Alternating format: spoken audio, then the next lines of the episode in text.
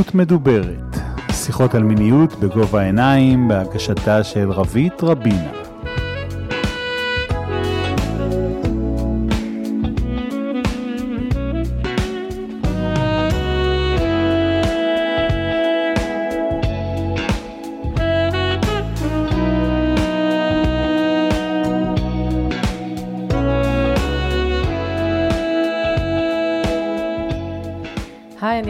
רבינה, ואנחנו בתוכנית מיניות מדוברת, מיניות בגובה העיניים. אני מלווה ויועצת למיניות מיטיבה, ובעלת בלוג המיניות, מיניות במרחק נגיעה, שבו אני כותבת על מיניות ועל יחסים בכלל. מטרת התוכנית היא להפיץ ידע, לפקוח עיניים, ולהרחיב את הדעת ואת האפשרויות בדרך למיניות מיטיבה, משמחת ומהנה. התוכנית היום עוסקת בשילוב שבין מיניות לכתיבה. כתיבה, אולי בדומה לצורות ביטוי נוספות, כמו תנועה, ציור ועוד, כלי שמאפשר לנו לעצור לרגע את שגרת היומיום, לשים לב, להתמקד, להיפגש עם עצמנו ולתת ביטוי למה שעולה בנו. כדי להרחיב ולהעמיק עוד בנושא, הזמנתי את רותם שובל. היי רותם. היי. משוררת, ראש, רותם היא משוררת ומנחת סדנאות, והיא חוקרת בשנים האחרונות את המיניות שלה, וכותבת עליה. והיא תספר על השילוב בין השתיים, כתיבה ומיניות, וגם על כל אחת בנפרד. אז רותם, אני ממש שמחה שהצלחנו שזה יקרה, המפגש הזה. ולפני שניכנס לעומקו של הנושא, אז למי שלא, מי שמאזין ומאזינה לנו ופחות מכירים אותך, אז בואי תספרי קצת עלייך בכללי, ואז ניכנס לעניינים. מעולה. אז אני רותם שובל, אני בת 42, אני גרה במושב מי עמי, ואני נשואה לאורי, אנחנו ביחד כבר 20 שנה. יש לנו שלושה ילדים, ובשנים האחרונות אני עוסקת בעיקר בתנועה ובכתיבה, בשני הענפים האלה. מצד אחד, אני עובדת כספרנית בספרייה האזורית של המועצה שלנו. פעם זה היה חלום חיי, אני מתוודה. כן, זה חלום חיי גם. אז אחרי הקורונה, כשכל מיני עבודות כתיבה אחרות שהייתי מעורבת בהן התפוגגו, אז מצאתי את העבודה בספרייה, ומאז אני שם. וחוץ מזה, אני עובדת, עוסקת בכתיבה, גם לכל מיני עיתונים מקומיים, וגם בעצם פרסמתי ספר, שירה. אז זה הענף ששמו אי אפשרויות רבות. ערכה אותו מאיה טבת דיין, הנהדרת, והוא יצא בהוצאת עיתון 77. ואנחנו נזכה לשמוע אחר כך כמה מהשירים, נכון? כן, מעולה. כן, כמה שנספיק. ובמקביל, אני כבר הרבה מאוד שנים עוסקת בתנועה, באומנות תנועה שקוראים לה קיטאידו, שזו אומנות תנועה שמבוססת על אומנויות לחימה יפניות. Mm-hmm. ואני רוקדת, רקדתי המון גם בעברי, ככה שלאורך כל החיים שלי כמעט, mm-hmm. אני חושבת. כתיבה ותנועה זה שני הענפים, mm-hmm. או כתיבה וגוף. כן. זה שני ענפים שאני כל הזמן, mm-hmm. כל הזמן עוסקת בהם. כן. שזורים ככה בחיים שלי. אז זה נשמע שילוב מאוד מאיר, זאת אומרת, שומר מאוד ערה וחיה אותך. אז בעצם כתיבה זה משהו שאת עושה ממתי? גם אנחנו מניחות בצד רגע את הספר, שנדבר עליו, אז ממתי את כותבת? אז אני כותבת מאז שהייתי ילדה, שזו קלישאה כזאת שאומרים, אבל במקרה שלי זה נכון. Mm-hmm. אני חושבת שאחד הזיכרונות הכי מוקדמים שלי, של כתיבת שיר במחברת, יש לי עוד מחברות כאלה מפעם, זה סביב גיל שמונה. הייתה שבת, ביקרו אצלנו מלא בני דודים, ואז יש את הרגע הזה שכולם נסעו והבית מתרוקן, ואני ילדה שנשארת לבד, לא לבד, יש לי אחים והורים והכול, אבל פתאום הבית ריק ונהייתי נורא לבד, ואני ממש זוכרת את עצמי יושבת וכותבת על זה שיר. Mm-hmm. אחר כך התחלתי לכתוב כל מיני שירים על כל מיני דברים אחרים שקרו. לי בחיים, אבל זה ממש מגיל 7-8 כזה. כן. מחברות, יומנים, ניסיונות לכתוב סיפורים, שירים. ו... ובאיזשהו שלב את... את מגיעה לנושאים ש, שמופיעים בספר, שאנחנו, כמו שאמרתי, נעסוק בהם, ואת כותבת בצורה שהיא מאוד אותנטית. את עושה את זה שאת מתעסקת בנושאים שלא מאוד פשוט לכתוב, לדבר עליהם, ו, ובטח, שוב, לא באותנטיות ובפתיחות כמו שאת עושה. זאת אומרת, גם אם מדברים, זה לא תמיד, או מדברות, זה לא תמיד בצורה מאוד אה, אה, פתוחה כמו שאת עושה את זה. אה, השירה שלך חוקרת אה, מיניות וחושניות, אימהות וזוגיות, תשוקה לבן הזוג ותשוקה למי שאינו. אה, יש מצב שנתחיל משיר? כן. אה, ואז זה יחבר את מי שמאזינות ומאזינים לנו למה שאני מדברת עליו כרגע, ו, ואז אה, ניכנס עוד ועוד אה, לעומק. אוקיי, okay.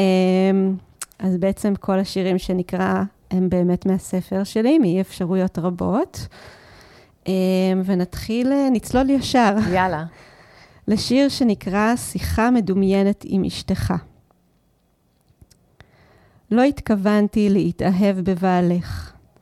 אני לא אישה כזאת בכלל.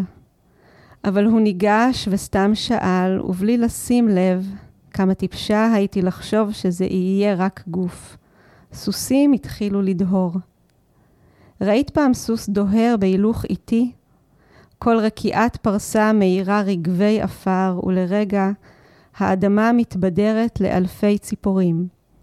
כובד הרגליים, באומץ השרירים, עוגב אחר הרוח. וככה, דווקא בניתוק, ניצת כוח המשיכה. איך פלג גופו העליון נותר כמעט שקט, אך פלא הגוף התחתון מתדפק והלב בחזה.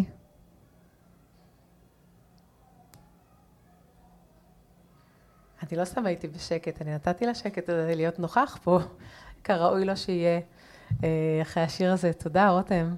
בשמחה. זה גם מקסים, כמובן שיש לי את הספר שלך, אה, וכמובן גם שקניתי אותו כבר לאחרות. אה, זה באמת, זה באמת אמיץ. זה... אירועים שקרו לך, דברים שקרו לך בחיים, זה מה שגרם לך לכתיבה הזאת, או שאיך זה, זה קורה? כי אני לא כותבת שירה. אני לא יודעת איך שירה קורית. Mm-hmm. אני יודעת שלספר אמ, שהספר שלי באמת מאגד בתוכו שירים שעוסקים בנושאים שבערו בי ומילאו את חיי בעשור ומשהו האחרונים. Mm-hmm. אני uh, היום בת 42, נהייתי אימא בגיל uh, אה, 29, זה קצת יותר מעשור. ובאמת, הספר, השירים בספר הם, כמו שאמרת, עוסקים באימהות, בחוויה הראשונה הזאת של להפוך לאימא, אימא לפג במקרה שלי גם. על זוגיות. גם, או... גם האימהות, אני רגע מפריעה, גם האימהות אה, שמבוטאת בספר, אה, היא לא הלוי דווי הזה, ולא רק המתיקות, וה... אה, איך החלום הזה שכל החיים אה, חלמנו עליו אה, מגיל הגן אה, מתממש. יש בו הכתיבה שלך היא מראה פנים שונות לאימהות, ואני חושבת שזה חלק ממה שעושה שיהיה מאוד קל להתחבר לשירה שלך. Mm. כי החיים הם לא רק פרפרים ורודים ונצנצים. לגמרי, נכון. Uh, כן, אז יש שם שירים על אימהות מכל מיני נקודות מבט וחוויות בתוך האימהות, שאנחנו יודעות שזו חוויית חיים שכוללת את כל קשת הרגשות mm-hmm. שיכולות להיות. Uh, יש פה שירים על זוגיות, על זוגיות ארוכת שנים, על משברים שעוברים בזוגיות כזאת, שגם שם לא הכל אבי דבי כל הזמן. אה, וכן, כמו שאמרת בהתחלה, גם על אה, תשוקה ומיניות שמתעוררות, גם כלפי מישהו אחר שהוא אינו בן הזוג, שזה היה כן איזשהו אירוע אה, או סיפור גדול לאיזושהי תקופה בחיים שלי, וקצת מטלטל אפילו. ואני הכתיבה לא קרתה פתאום. Mm-hmm. הכתיבה היא עבורי הדרך שלי לתת ביטוי למה שמתרחש בתוכי, ואני עוד לא בהכרח מצליחה לומר בקול רם. כלומר, יש, אה, יש בכתיבה משהו עבורי שמאפשר לי להבין את הדברים ולעבד אותם, קודם כל ביני לבין עצמי, עוד לפני שאני מתקשרת אותם, אם בכלל, החוצה. כן, וזה אנחנו גם נמשיך, אחר, נמשיך את הקו הזה אחר כך, שננסה להבין ביחד מה הכלי הזה של הכתיבה אה, נותן בהקשר של המיניות. התכוונתי קודם, שאני יודע, הבנתי כבר שאת כותבת מגיל שמונה, אז, אז הבנתי שאת כותבת ברצף, כאילו, מאז, אבל הנושאים האלה, את אומרת פשוט, זה החיים הביאו אותך אליהם, זה לא ש... זאת, היו עניינים בזוגיות, היו עניינים, פתאום הייתה הורות, פתאום הייתה אולי תשוקה לגבר אחר וכן הלאה וכן הלאה, ועל זה כתבת פשוט, כי, כן. כי זה מה שאת עושה, כותבת על החיים. אמ, כן, אני חושבת, את יודעת, לכל אחת מאיתנו קורים כל מיני דברים בחיים, ויש את מי שיוצאת החוצה לעשן סיגריה ולחשוב, יש את מי שמתקשרת לחברה הכי טובה, mm-hmm. יש את מי שאולי אמ, שומרת את זה בתוכה, mm-hmm. יש את מי ש... אני לא יודעת. Mm-hmm. עושה כל מיני כן. דברים, ספורט או כן. הולכת לרקוד, ואני הרבה פעמים, בטח בתקופות אה, אינטנסיביות אה, מבחינה רגשית, כן. אז אני כותבת כדי להבין. הרבה פעמים קורה לי שאני כותבת משהו, ורק אחרי שכתבתי, אני מבינה פתאום mm-hmm. מה קרה כן, לי או מה אני מרגישה. כן. Uh, זה כלי נפלא, ובכל זאת, uh, הבחירה uh, לצאת עם הכתיבה האותנטית שלך uh, uh, החוצה, זאת אומרת, uh, הסברת, הסברת ממש טוב uh, uh, מה, למה את כותבת, אבל uh, מה בעצם uh, uh, נדרש ממך בשביל להגיד, אוקיי, יש לי פה את השירים האלה, ואני עכשיו, uh, למרות שהם חשופים ופגיעים ונועזים בחלקם, ו- או לא בחלקם, uh, אני, אני אנסה להראות אותם לעולם. Hmm. Um, זאת שאלה טובה, שהרבה שואלים אותה, ואני לא בטוחה שיש לי mm-hmm. תשובה טובה לשאלה הזאת. Uh, לפעמים זה נדמה לי שזה פשוט הייתה התגלגלות של דברים, mm-hmm. ולפעמים נדמה לי שזה היה מין הכרח כזה שנבע מתוכי, ולא בהכרח יכולתי אפילו לעצור אותו, זה פשוט היה חייב לקרות. Um, אבל אני כן יודעת להגיד ש...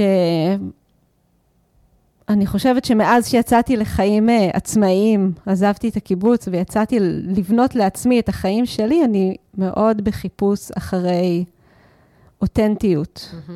ואחרי uh, שאלות כמו מה שלי באמת ומה נובע מתוכי, מה זה דפוס אוטומטי או איזושהי אמונה שהורישו לי, ומה אני חושבת ומרגישה באמת.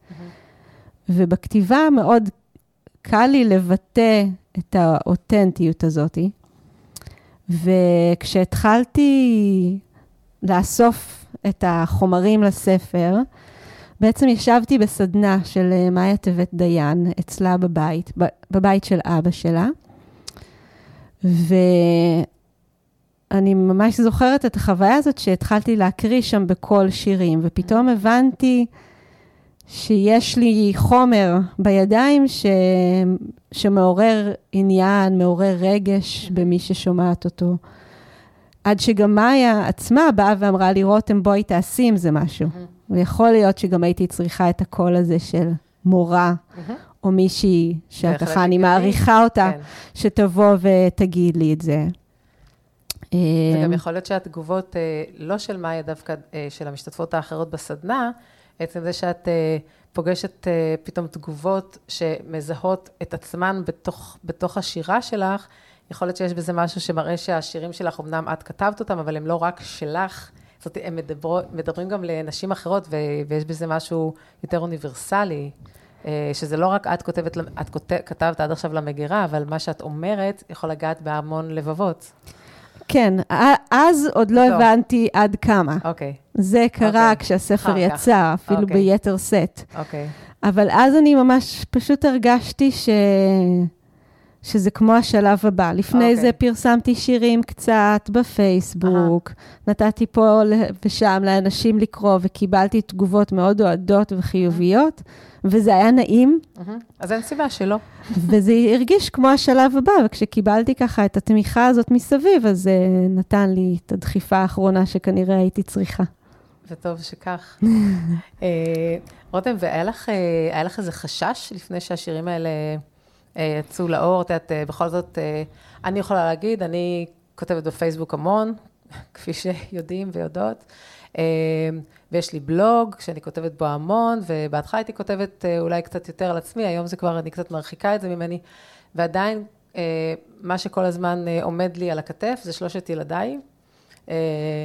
שאר משפחתי, אני מודה שהם מאוד, מאוד מפרגנים, מפרגנות וכולי, אבל ילדיי עומדים לי בשקט, בלי שהם עושים הרבה קולות על הכתף, וכשאני כותבת, אני, הם נוכחים שם. אז לצאת עם ספר שירים כזה, שאומנם ילדייך אה, לא מאוד, אה, לא גילאים מאוד אה, בוגרים, ו, אבל הם יהיו, ו, והורים, ובכלל, משפחה, בן זוג, חברות שמכירות אותך מהיישוב והכול. תספרי לי קצת על זה, איך, איך, איך את עושה את זה. אז א', אני חושבת שכמו שאמרתי קודם על האותנטיות, יש בי משהו שלא יכול אחרת. Mm-hmm. אני, אני טוענת כ... שאותנטיות, once, once פגשת בה, זהו, זה, אי אפשר, אי אפשר אחר כך להחליט, אה, לא, לא בא לי להיות אותנטית. זה כאילו, זה נשאר, זה פשוט שם. כן, אז זה לא שאין לי... אה, מקומות שאותם אני שומרת לעצמי, mm-hmm. ברור שיש. זה לא בסתירה. וברור שיש מקומות שאני לא מדברת עליהם, mm-hmm. ואני מתאימה לפעמים את מה שאני כותבת ל- למרחב שבו הוא מפורסם. Mm-hmm. אבל קשה לי, אה, קשה לי להסתיר. או שקשה לי אה, להגיד חצאים, אם אני כבר בוחרת לספר משהו. Mm-hmm. וכן, היו לי חששות אה, מתגובות של משפחה או של אה, אנשים קרובים, החששות האלה של מה יגידו וכאלה. מי כמונו יודעות, בתור קיבוצניקיות לשעבר, איזה טייטל זה מה יגידו הזה. ברור, מה חושבים עליי זה דבר זה אה, כך, מאוד משמעותי. ממש. לאורי, הבן זוג שלי, נתתי לקרוא את כל השירים לפני שהספר ממש יצא לאור. לא בשביל אה, לקבל ממנו אישור, זה כבר היה ברור שזה הולך להתפרסם, אבל כן בשביל שהוא יהיה שותף לתהליך. Mm-hmm. וכן כדי שיהיה מקום לרגשות שלו, אם יעלו כאלה לדגשים שלו, לרצונות שלו בתוך הדבר הזה. הוא לא היה מופתע משום דבר שהיה כתוב mm-hmm. שם, מה שמעיד עליכם הרבה. כן, כי אגב, אותנטיות, אמ, אני גם בן אדם שאני תופסת מעצמי, אני משתדלת להיות אישה שמאוד מתקשרת mm-hmm. את מה שהיא מרגישה, את מה שהיא חושבת, את מה שהיא רוצה, גם כשקשה, mm-hmm. בטח בתוך הזוגיות. אמ, אז הוא לא היה מופתע משום דבר שהיה כתוב שם. הוא היה חמוד, הוא אמר לי, אוקיי, אני יודע הכל, כזה. והחברות הכי טובות שלי היו חברות שליוו אותי בתוך כל התהליך כתיבה, הן גם, אה, חלקן לפחות נשים כותבות, היינו שולחות שירים אחת לשנייה, כך שהם ידעו הכל. כן חששתי מכל מיני תגובות כמו סבתא של אורי וכדומה, אבל uh, זה עבר... ונשות מקצוע, אנשי מקצוע מתחום הכתיבה וזה, זה משהו ש... ש... הטריד אותך? כאילו, איך הם יקבלו את זה, איך הם יגיבו, ששמחת על ההוצאה ועל מה היה ש... אה, שאת בידיים טובות, וזה בסדר, שאם הם, הם החליטו להוציא אה, ולערוך את השירים שלך, אז זה, זה הגושפנקה. אה, בעיקר, בעיקר מאיה נתנה לי כן. את הגב הזה. מעולה. כן, היא כל הזמן אמרה לי, רותם, אם לא הייתי מאמינה בך, לא הייתי עובדת איתך. מעולה. אולי היא ניסחה את זה קצת אחרת, בסדר. אבל כזה. רוח הדברים. ו... ויש חלק בי שמאוד רצה, רוצה שיכירו בו גם אה, אנשים, אה, את יודעת, יותר אה, ברי סמכות וכדומה בתחום הזה. זה קרה בפנים כאלה ואחרים, לפעמים יותר, לפעמים פחות. Mm-hmm. זה גם ספר שירים ראשון, תמיד. אחר כך את רואה ואומרת לעצמך, יכולתי להשתפר פה, יכולתי להשתפר שם. אה, זה נכון תמיד, אני חושבת. תמיד אנחנו יכולות להשתפר. כאילו, אין, את יודעת, המושלם הוא לא משהו שקיים, כן. לדעתי לפחות.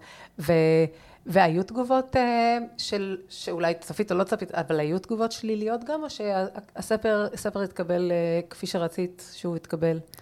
לא נתקלתי בתגובות שליליות. Okay. אה, יכול להיות שהן קיימות והן לא הגיעו אליי, אבל מה שככה אני אה, קיבלתי היו תמיד תגובות אה, תומכות ומפרגנות, ו... או כאלה שמתפלאות על האומץ, אה, או כאלה ש... כן, שמזדהות עם חלקים כאלה ואחרים. בספר. יופי. אז אה, אני מאחלת לך שגם הספר השני, שיצא פעם לאור, אז שהוא יתקבל... אם יצא, כשיצא. כשיצא, אז uh, הוא יתקבל בזרועות פתוחות ומחבקות uh, אחר כך גם. רותם, אנחנו ננסה עכשיו לשלב קצת את, ה, את הנושא של המיניות בתוך השיח על, ה, על הכתיבה. Uh, דיברת על, על מה הכתיבה משרתת אצלך, ונעמיק בזה, אבל את התחלת לפני כמה שנים, לפי מה שאני יודעת מהסיפור שלך, את המסע שלך לחקר המיניות. ואת, ואת כותבת על זה הרבה גם בפייסבוק, על, על, כשאת יוצאת לסדנאות וכולי, את, את מאוד משתפת ב, בחוויות שלך, פייסבוק, אינסטגרם. כן. זאת אומרת, זה, זה מאוד גלוי. אה, מאוד לא מציצני, אגב, זאת החוויה שלי, שזה מאוד לא מציצני, זה שיתופים שאני מאוד אוהבת אותם, הם, אה, אה, יש בהם משהו שאפשר להתחבר אליהם, מאוד, מאוד נעים בחוויה שלי כקוראת. אני אשמח אם תשתפי קצת בדרך שעברת ושאת עוברת, mm. בגילויים שלך, סדנאות, תובנות, ממש קחי את זה למקום שאם אני מאזינה, שעכשיו רוצה להתחיל לחקור את המיניות שלי, ולא עשיתי את זה עד עכשיו, ואני לא כל כך יודעת מאיפה להתחיל. ואת כבר כן בתוך המסע הזה איזה זמן, אז ממש באופן uh, חופשי כזה ת, תשתפי מה, מהתובנות והחוויות שלך. Mm, זאת שאלה גדולה. מאוד גדולה. אנחנו נדבר אה, תוך כדי, אני לא אתן לך להחליט את זה לבד. כן. אז הדרך שאני עוברת בכל מה שקשור למיניות שלי, שלי עם עצמי, שלי עם בן זוג, בכלל, אה, להבין את המושג הזה שנקרא מיניות, היא דרך אה, מאוד מרתקת, ואני באמת אה, כותבת עליה כי, כי אני מרגישה שיש לקול הזה חשיבות ומשמעות, ממש כמו איזה מילה גדולה, שליחות, אני רוצה לומר, אבל כן. אני מסכימה שתאמרי. זה סבבה. אה, ואני עם הזמן מרגישה שאני ממש אה, מגלה שם יותר ויותר חלקים אה, שהיו עד עכשיו אבודים בתוכי. Mm-hmm. חלקים שהדחקתי או השתקתי, וכאלה שהיום, ככל שאני נחשפת יותר, לומדת, קוראת, הולכת לכל מיני מרחבים של סדנאות, אני נותנת להם קול ואני נותנת להם מקום וביטוי. וממש משנים לטובה את החיים שלי, הזוגיים, את החיים שלי עם עצמם, את היצירה שלי, את הדברים שככה אה, אני הולכת לכיוונם בתחום המקצועי. אה, יש איזו חוויה מסדנה שאת, אה, ש, שאם תעצרי רגע, תוכלי להיזכר ולשתף, בלי שזה יהיה אינטימי מדי כמובן, אבל משהו שהוא מין כזה חוויה שהעירה או הפגישה אותך עם איזה עניין שלא שלא הכרת בעצמך עד אז, או בזוגיות שלכם, במיניות שלכם? אמ, אני חושבת שאחד הדברים שככה מאוד עזרו לנו, לי ולנו, אה, זה כשהבנו ש...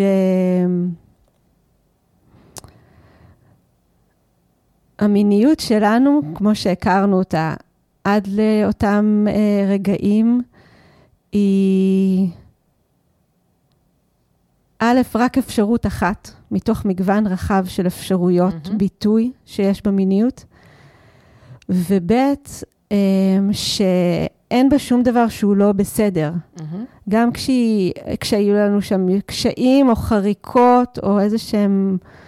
חוסר הלימה כזה ביני לבינו, שקורה לפעמים mm-hmm, בזוגיות בהחלט. ארוכה. זה לא שזה לא אה, בסדר, זה פשוט אה, שלא ידענו ולא הכרנו, ובעצם כאילו לא לימדו אותנו את כל מה שאפשר ללמוד.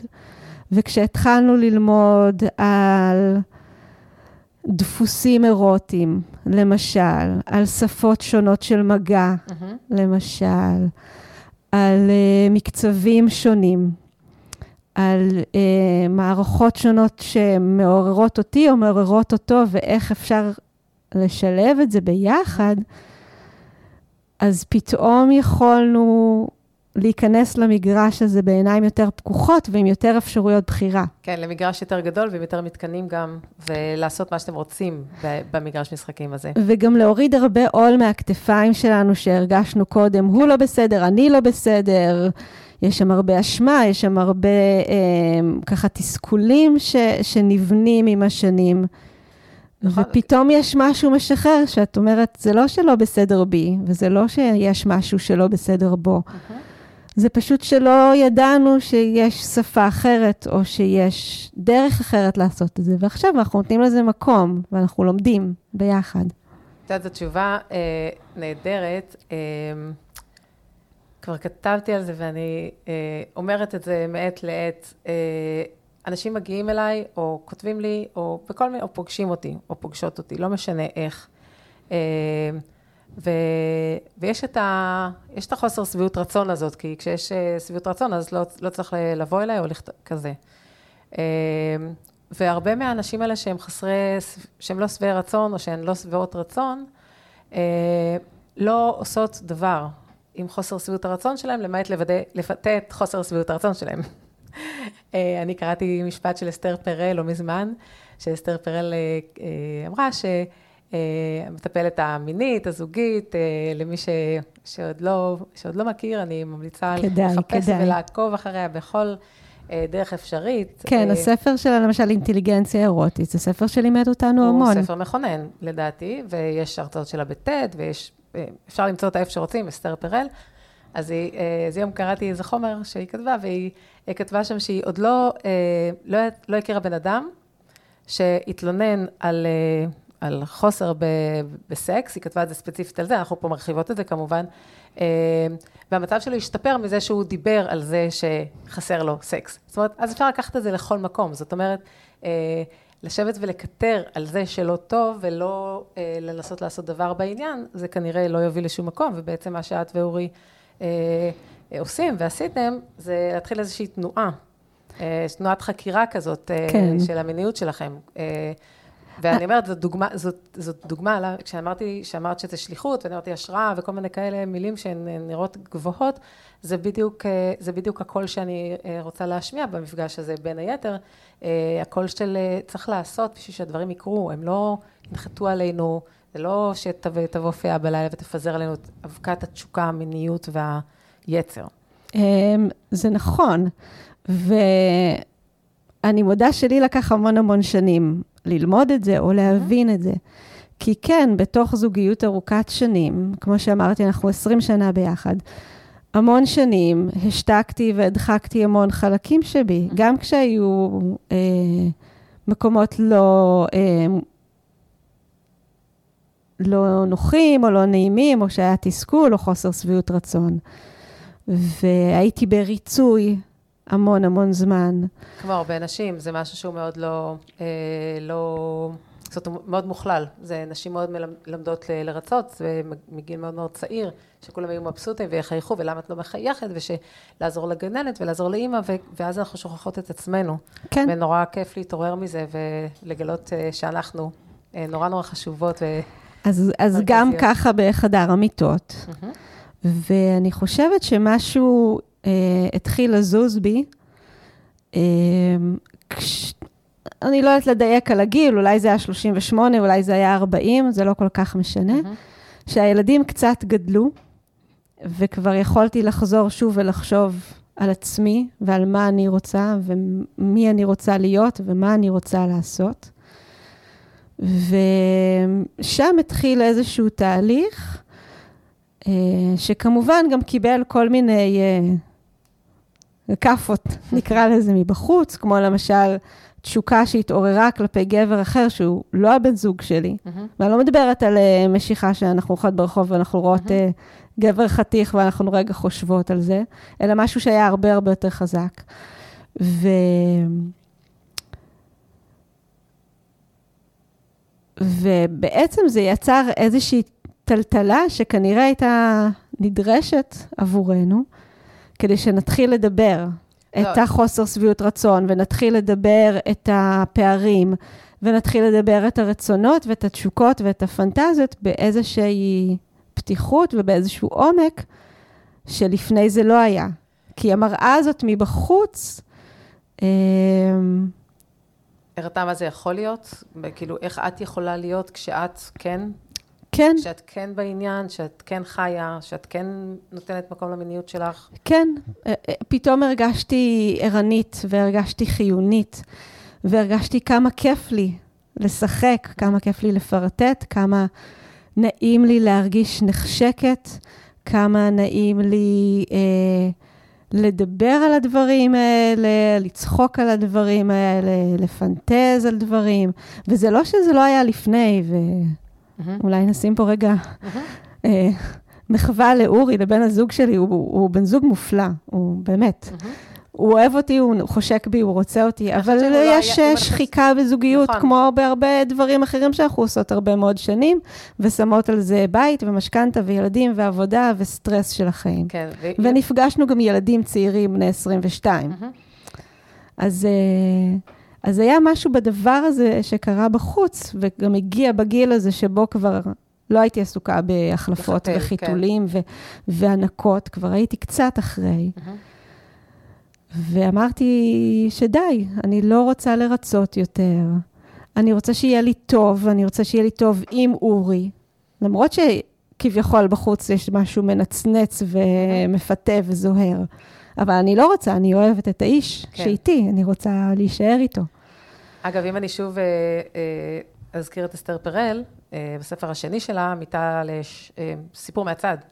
אז אה, זה בדיוק הדברים שאסתר פרל מדברת עליהם, בין היתר, זה ספר אה, ארוך, אה, שכשאנחנו, ההיכרות עם מישהו בחוץ, אה, אה, הרבה פעמים זה לא, זה לא, זה לא בהכרח כי חסר לי משהו בבית, אלא כי אה, אה, אני הולכת לפגוש חלקים בעצמי שהלכו לאיבוד.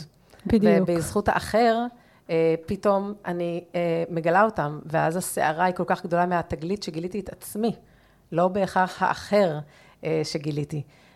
ו- ועוד היא מוסיפה, והיא אומרת שהרבה פעמים טלטלות כאלה, כמו שאת ציינת, אפשר להתרסק מזה, כמובן הזוגיות יכולה להתפרק, להתרסק, והזוגיות יכולה לעבור לפאזה חדשה שהיא לא הייתה בה לפני כן, ואולי גם לא הייתה מגיעה אליה בלי זה. ממש, כי ממש. כמו בכל דבר, אה, משברים אה, הם הדבר שמערער אותנו, כי כל עוד אנחנו על מי מנוחות, סבבה, מכירים את זה יותר טוב, פחות טוב, אבל צריך את הטלטלות האלה לפעמים, בשביל שדברים אה, יתחילו לנוע.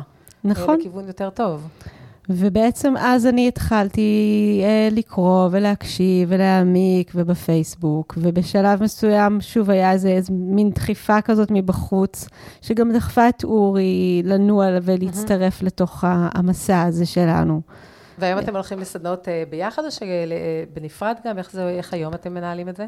לרוב אנחנו ביחד. מהמם. לרוב אנחנו ביחד, עדיין מה שחשוב לנו ומעניין אותנו, והוא העיקר שלנו, הוא לח... ללמוד ולהיות שם ביחד. כמובן שיש גם דברים לפעמים, אני הלכתי גם לסדנאות שהן רק לנשים, והוא הלך, לדבר, הולך, הלך לדברים שהם רק של גברים. אה, גם בזה, זה דבר שאנחנו אה, מאוד עסוקים בו, או נותנים לו מקום, וזה המובחנות.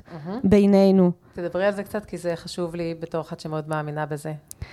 אני חושבת שהרבה מאוד שנים היינו אורי ורותם. אה, זה היה מין דבר שלוב אורי כזה. רותם, כאילו מילה אחת. כן. לא אורי ורותם, אלא אורי רותם, כאילו ממבנה אחד. עכשיו, זה היה הרבה גם מבחירה. מהמם. בנינו זוגיות, בנינו בית, בהחלט.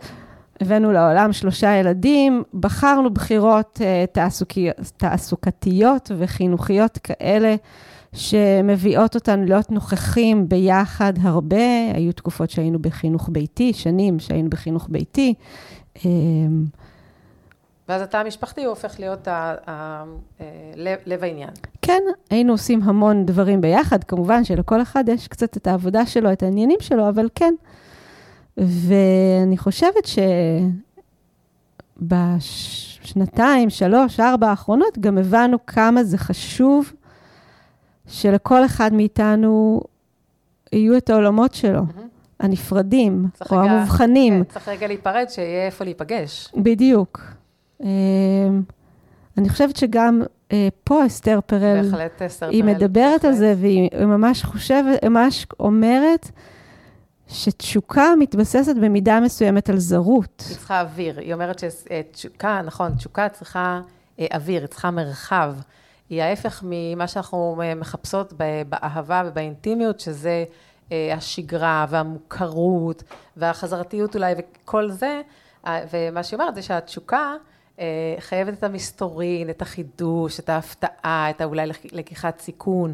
וכשאנחנו כל הזמן ביחד עם אותו בן אדם עושים את אותם דברים ועושות את אותם דברים, אה, איפה יש לה מקום לפרוח. כן. או לבעור, או איך שנקרא לזה. אז כן, אז זה גם, זה גם חלק מהדברים ש, שככה קורים. בטח עכשיו כשהילדים גדלים ויש קצת, לא הרבה, קצת יותר זמן. רותם, בא לך, אה, בא לך להקריא עוד סיפור? עוד אה, שיר? נעשה רגע פאוזה. אמ, כן. אז אולי כי דיברנו על uh, זוגיות ארוכת שנים ועל uh, ככה מה קורה שם בחדר המיטות ובתשוקה ובריצוי, אז אני אקריא שיר שנקרא מיטה זוגית. בלילות ובימים הגוף פורע חובותיו אליך. אני מתחת, נשימתך מעל, וכל אשר קיוויתי שלא יקרה לי לעולם, שב וממלא את הסדקים בינינו. האם אפשר שנדבר אהבה בלי גוף? האם אפשר שנמתין עד שליבי ישוב ממסעותיו? נמל הבית שלך כאן אני לוחשת לו, אך הוא רוצה לים. תודה. בחירה מצוינת למקום שבו אנחנו נמצאות כרגע. כן. אז באמת, באמת אה, הרבה אומץ אה, שלך ושל אורי ש, שפרגן, ואני אוהבת אותו כבר, אה, כבר על, על הגישה שלו. ועל, כן. אם יש משפט אחד מכונן שאורי אמר לי,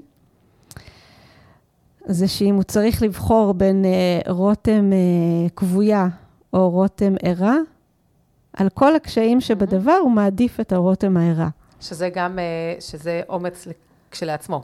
כי... ממש. Uh, כשאני פוגשת אנשים, אז אני נתקלת גם בקול השני, שמאוד נבהל מההתעוררות, uh, כי אין לדעת לאן זה ייקח, וזה נורא מאיים.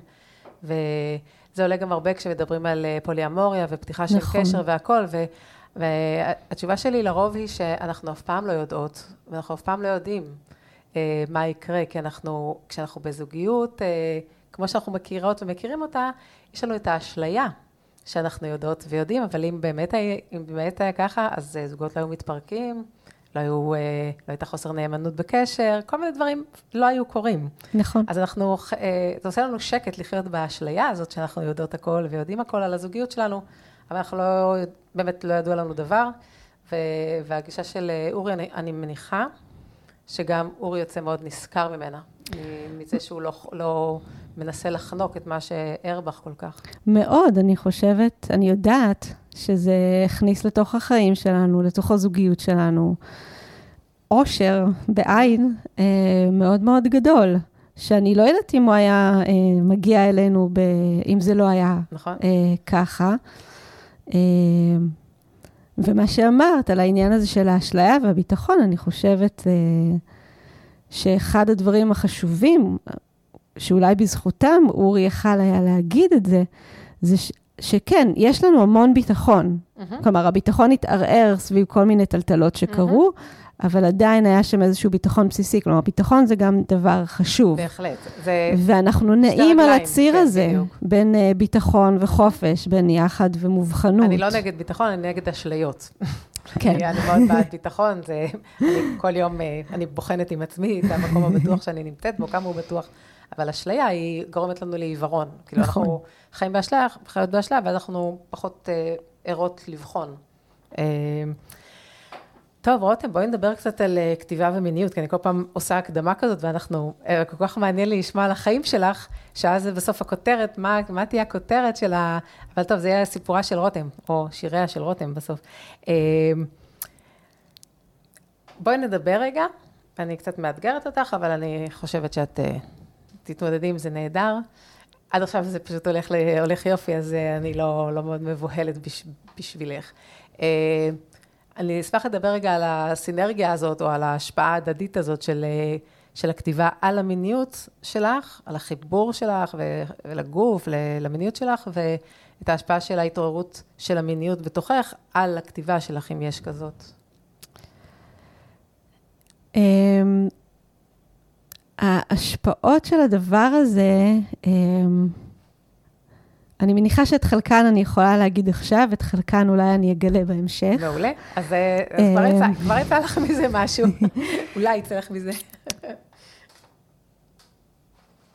אני, כמו שאמרתי קודם, אני חושבת שחלק מהתהליכים אה, שאני עוברת בשנים האלה, של החקירה, של המיניות, של ההתעוררות אל אה, המקום שלי, אל מה שחשוב לי, אל מה שנעים לי, אל מה שאני רוצה, אל העונג שלי, אל מה שאני רוצה בתוך הזוגיות שלי.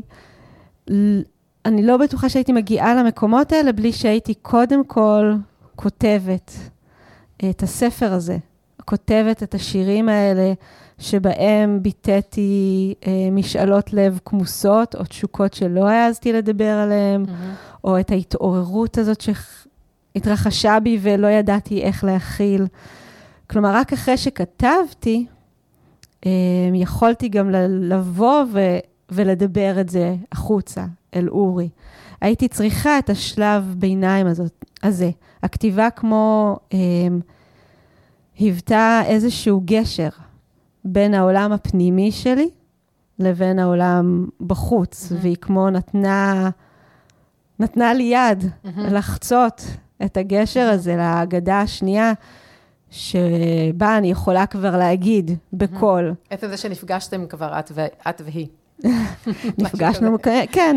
לא, כי לפני זה יכול להיות שהייתם באיזה, הייתן קיימות, אבל אולי באיזשהו מקום של ריחוק, או הדחקה, או הכחשות, או כל מיני דברים כאלה, וברגע שאת כותבת, אז זה כבר נוכח. נכון. ואז את יכולה... אה, ואיך המיניות, אה, כאילו, איך הצד השני... אז לכתוב על מיניות זה דבר שהוא אמ, היה ועודנו חדש עבורי. Mm-hmm. כשכתבתי את השירים בספר שבאמת עוסקים יותר אה, אה, בתשוקה ובמיניות, אז אה, זה היה כמו איזה, זה שוב נשמע קצת כמו קלישאה, אבל זה היה כמו איזה פרץ כזה, ש... של דברים שביעבעו בי, וכדי כדי לתת לאנרגיה הזאת, שהיא יכולה ממש למלא את כל הגוף, לתת לה מקום, אולי mm-hmm. אפילו לתת לה פורקן שהוא mm-hmm. לא רק בצורת אורגזמה, mm-hmm. או מפגש מיני כזה כן. או אחר, אז כתבתי, כי היו שם דברים שהיו חדשים. אמ, ואני חושבת שהמיניות אה, גרמה לי להיות קצת יותר נועזת בכתיבה שלי, היא גרמה לי להיות, היא עזרה לי להיות יותר אותנטית בכתיבה שלי.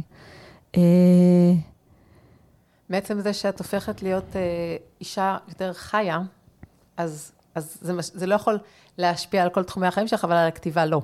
זה בעצם כאילו, זה לא הגיוני ש, שאם את אותנטית ומושפעת ממה שקורה לך, אז רק הכתיבה לא תושפע, ותכתבי על נושאים שהם לא, אה, או, או פחות בחיות, או פחות מחוברים למה שעכשיו כן. חי בך, אז כאילו זה באמת לא כל כך מסתדר, אז... אה, אני ממש זוכרת רגע באיזשהו מפגש עריכה עם אה, מאיה, שהבאתי לה גם שירים יותר ישנים שכתבתי, כדי לבדוק אם הם יתאימו להיות בתוך הספר או לא. והיא ממש הראתה לי איך רואים את ההבדל. איך בשירה היותר, uh, מהשנים שלפני, אני נחמדה, ואני זהירה.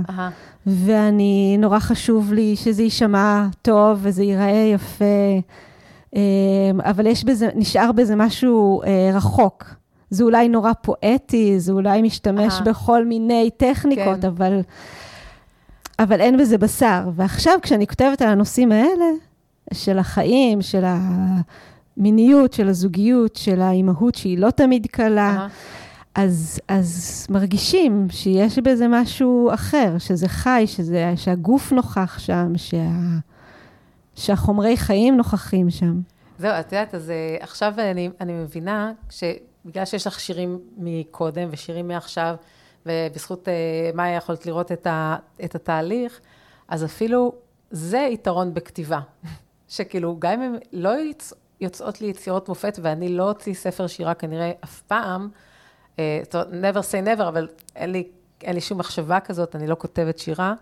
אה, אז אפילו ב, לא משנה מה התוצרים יהיו, mm-hmm. אני יכולה אחר כך לראות uh, סיפור חיים דרכם. נכון. Uh, ובזכות זה שהתבוננתם ביחד על השירים האלה, יכולת לראות איפה היית אז. Uh, וכאילו, הנה, את זה כתבתי אז, שם הייתי. נכון. הייתי מרצה, הייתי לא אותנטית, הייתי כל מיני דברים, וזה... אה, כשלעצמו זה כבר אה, יתרון, אפילו לא משנה באיזה טכניקה כתיבה השתמשתי. נכון, גם אני כשאני משתמשת לפעמים בכתיבה אינטואיטיבית, mm-hmm. שזו כזאת כתיבת רצף mm-hmm. של פשוט לשבת כמה דקות עם העט על הדף. ולא שיוצא. לעצור. כן. מה שיוצא, יוצא, לא חייב להיות קוהרנטי, לא חייב להיות סימני פיסוק, הכתב לא חייב להיות מובן. אני יכולה למצוא היום מחברות מלפני שנתיים, שלוש, ארבע, שבע, לא משנה, ולראות איך צמחתי. כן. ולראות אה, את כל התהליכים שעברתי, לראות את הדברים שאני עדיין אה, רוצה ועוד לא עברתי. זה ממש אה, יכול להיות תהליך שהוא לאורך זמן אה, תרפויטי במידה מסוימת וממלא בכוחות. אה, לפעמים אנחנו מרגישות נורא שהחיים שלנו תקועים, שלא עשינו כלום, שכולם מסביב מתפתחות כן. ועושות וכזה, ורואות בפייסבוק ורואות ב... כולם יפות, מצליחות, רזות, צעירות, הסקס שלהם פנטסטי, כאילו הכל כזה. אבל לאורך זמן יש כמו טיפות קטנות כאלה. ואם את כותבת, למשל, אז את יכולה פתאום לראות. פה זרעתי זרע, לקח לו שנתיים אולי לצמוח, אבל הנה הוא צמח. פה הבעתי רצון כמוס mm-hmm. במחברת ביני לבין עצמי, והנה, מתממש. שלוש שנים אחר כך. לדברים יש את הזמן שלהם, מקסים. אבל זה מאפשר לך לראות דרך. זה מקסים. ואם אנחנו, אנחנו רוצות רגע לדבר אה, עכשיו רגע לא עלייך, אלא על, על הכתיבה אה, ככלי עבור נשים. אה, כי שתינו, שתינו מחזיקות מזה, את, את עם ניסיון בכתיבה ובהנחיית קבוצות. אה, אה, כתיבה ואני לא, אבל שתינו, אה, שתינו מחזיקות בדעה שזה אה, דבר שהוא מאוד מאוד תורם. בואי תרחיבי קצת את, ה, את השיח על העניין הזה, מעבר למקום שלך. ושתינו גם, בזכותך, אני פתחתי מקראה פמיניסטית שאני מחזיקה בבית כבר כמה שנים, אבל את כיוונת אותי אה, לאיזשהו אה, מניפסט שם, שאחר כך שפרסמתי בפייסבוק, זה היה כל כך כיף לראות את התגובות של נשים, שכאילו, איפה אני מוצאת את זה, מאיפה זה? כאילו, זה כל כך פגש את הנשים במקום אה, אה, של, אה, של עניין, ופשוט פגש, את יודעת מה, בלי, פשוט פגש אותן. אה, אז אני אשמח שפה תרחיבי קצת. כן, אז פה אולי באמת זה הזמן uh, להתעלות באילנות uh, גבוהים, כמו שאמרת, ולצטט uh, כמה משפטים מתוך uh, מאמר שנקרא צחוקה של המדוזה, אה, שכתבה הלן סיקסו, שהיא סופרת ופילוסופית אה, צרפתייה. אני נחשפתי אליו לפני המון שנים, אבל זה מאמר מאוד מורכב, אז לקח לי המון שנים... פמיניסטית גם לציין? כן, אני תכף אספר עליה אולי כמה מילים. אני אגיד ש... אז לקח לך זמן?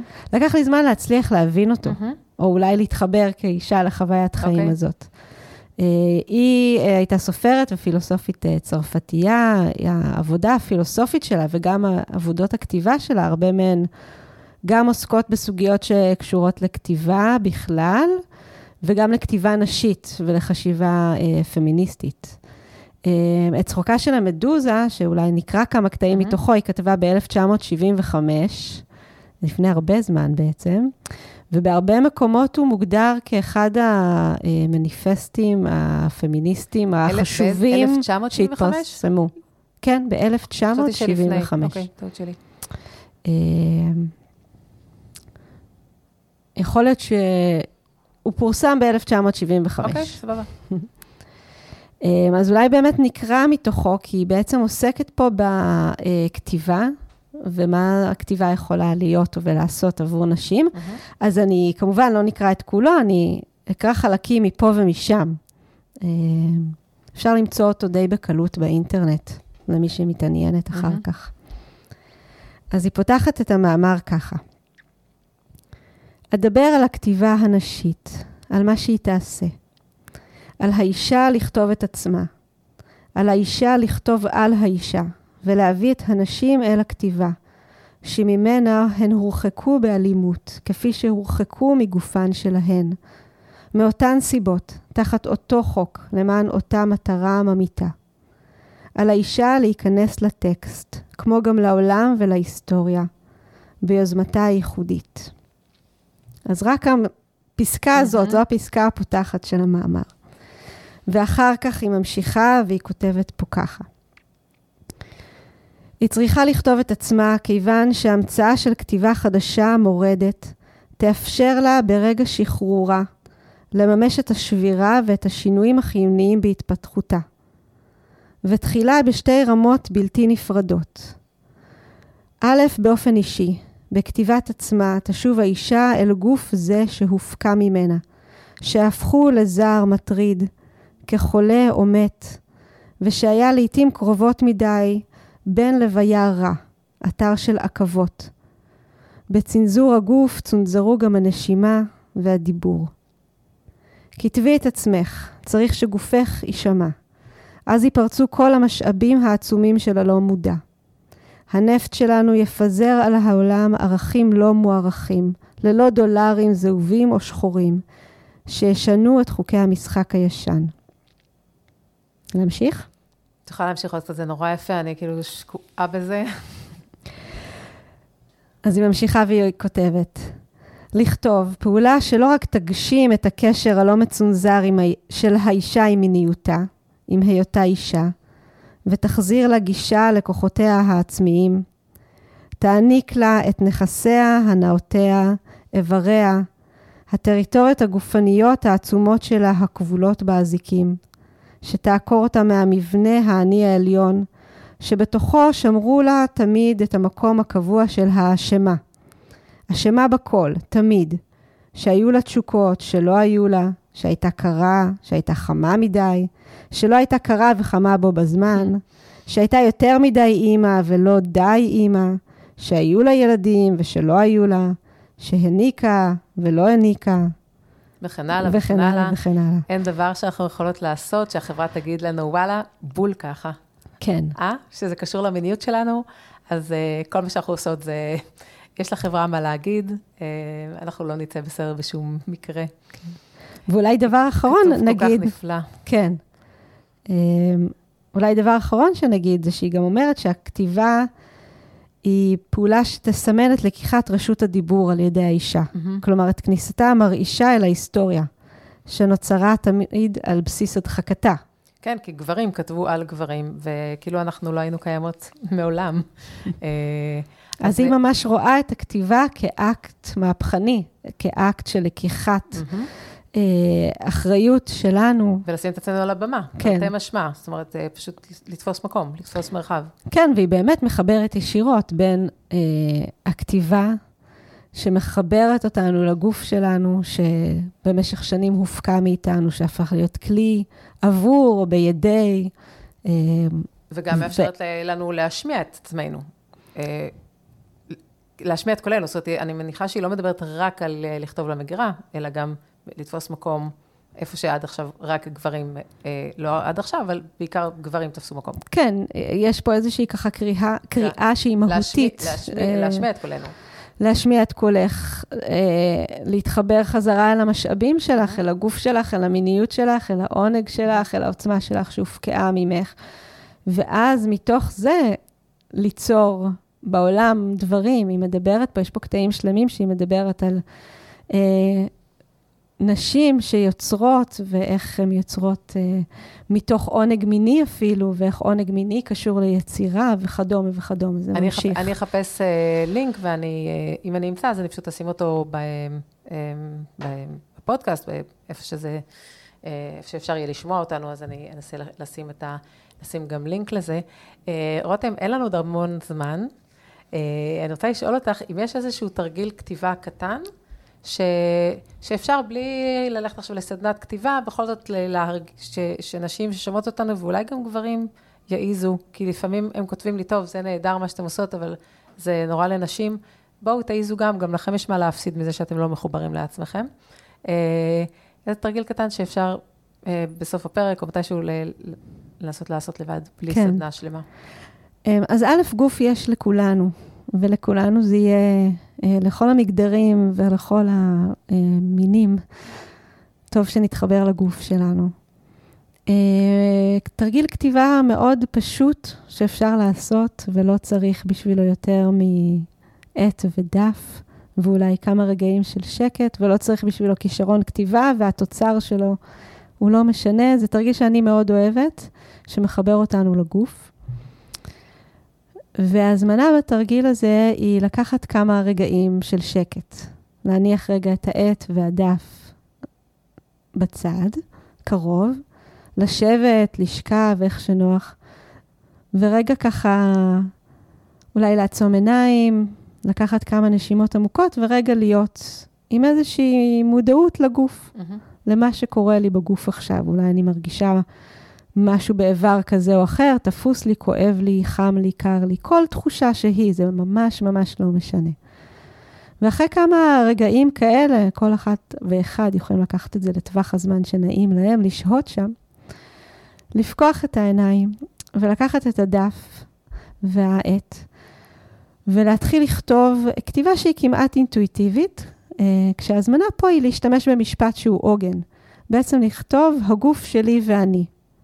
ומשם לצאת לאיזשהו רצף של מה שעולה. וכל פעם שטיפה אני מרגישה שאין לי מה לכתוב, שנגמרו לי המילים, אני חוזרת אל המשפט הזה, הגוף שלי ואני. הגוף שלי ואני. אמ, ועולים שם דברים מופלאים. לפעמים על הקשר של הגוף שלי, על הקשר שלי אל הגוף שלי, על דברים שהגוף שלי אולי רוצה להגיד לי, על הריחוק שקיים. ביני לבין הגוף שלי. אה, אה, זה באמת, באמת יכול ללכת להמון כיוונים, אבל זה משהו נורא נורא קטן, שיכול לחבר את הכתיבה שלנו עם הגוף, ואותנו אל הגוף. וגם מאפשר אה, רגע להרגיש מה זה עושה לי, ואז אולי באמת לרצות אחר כך דברים אחרים אה, מהמשפחה הזאת של כתיבה ומיניות. אולי. אה, אני אקריא רגע, אה, אני מחזיקה ביד את הספר אה, מונולוגים מהווגינה, שלצערי אפשר להשיג אותו רק בחנויות יד שנייה, אבל אפשר. אה, עובדה שגם אני השגתי וגם רותם השיגה, אז יש עוד כמה כאלה מסתובבים בארץ. אה, זה, אתם מכירים את זה אולי מה, אה, מהתיאטרון, זה הומחז, הספר הזה, כתבה אותו איב אנסלר, והיא כתבה אותו ב-1998, נדמה לי, והוא יצא בעברית, ועל סמך הספר הזה באמת, הוא רץ בכל העולם עשרות שנים. אה, המונולוגים האלה, והנה תרגיל שהיא נתנה לאנשים שהיא פגשה, אה, לדבר איתם על הווגינה שלהם, אז אה, היא שאלה, אילו הווגינה שלך הייתה מתלבשת, מה היא הייתה לובשת? אז היא הייתה לובשת כומתה, או מקטורן אור, גרבי משי, מינק, סרט ורוד, טוקסידו גברי. שנייה, אני הופכת רגע דף. ג'ינס, משהו הדוק, אבני ברקת, שמלת ערב, פייטים, רק ארמני. שמלת בלרינה, בגדים תחתונים, שחורים, שקופים, שמלת נשף, משהו שניתן לכבס במכונה, מסכת פורים לעיניים, פיג'מת קטיפה סגולה, ועוד ועוד, וזה רק אחת מהדוגמאות לשאלות שהיא שאלה נשים, בשביל באמת לעזור להן רגע אה, להתחבר אה, לעצמן, לווגינה שלהן, ומכאן אפשר לקחת את זה אה, הלאה. אז אה, רותם, אם יש לך עוד איזה אה, שיר קטן, או מילה, או משהו שאת רוצה לסגור, יש לנו עוד אה, זמן קצרצר. את רוצה להשמיע עוד שיר אחד? שיר קצר? שיר קצר? כן. כמה קצר? לנו שתי דקות פחות או יותר. בסדר גמור. אז אני מקריאה שיר אחרון שנקרא ספונג'ה. האישה שעכשיו שטפה את ביתי, נוטפת משפת תחתוניה, ריח חומץ ושקט הרים, וירח בוער בה ודם, ונופת שדיה ופיו של עולם. האישה שעכשיו מקלפת כבשיי, בפי הלשון ומילים היא מלקקת. גות מצוואר אל כתף אל חזה, ועמק רגליה פורח, על אף עיצבונו של היופי הזה. האישה שעכשיו בסירים הלהיטה טעמים של עונות, מרקמים של מגע, יודעת, מפות השבילים בידיה, וכל הדרכים מובילות עד אליי. האישה שעכשיו קראה על ברכיה ללגום ולא נבחרה לצאת בצבאות, תלף, תלטף ותפיק זהבים וכל הזמנים בחיליה שלובים. בתוך אורה אני בין רגליו של הרגע שוכבת, עם הכל מתנה אהבים. מקסים. רותם, אה, יש לי ממש זמן קצר להודות לך היית, אה, כמו שאת כותבת וכמו שאת מדברת, אה, היית כנה ופתוחה, וזה כל כך חשוב כשמדברים על, על מיניות, אז אני ממש גם מעריכה וגם מודה לך. תודה שהזמנת. על האופן שבו, שבו הבאת את עצמך אה, לפה. אה, אני מזמינה אתכם ואתכן אה, להאזין לפרקים הקודמים, ועד הפעם הבאה, הרבו טוב, ודאגו להכניס לחיים הרבה הנאה ועונג. ביי.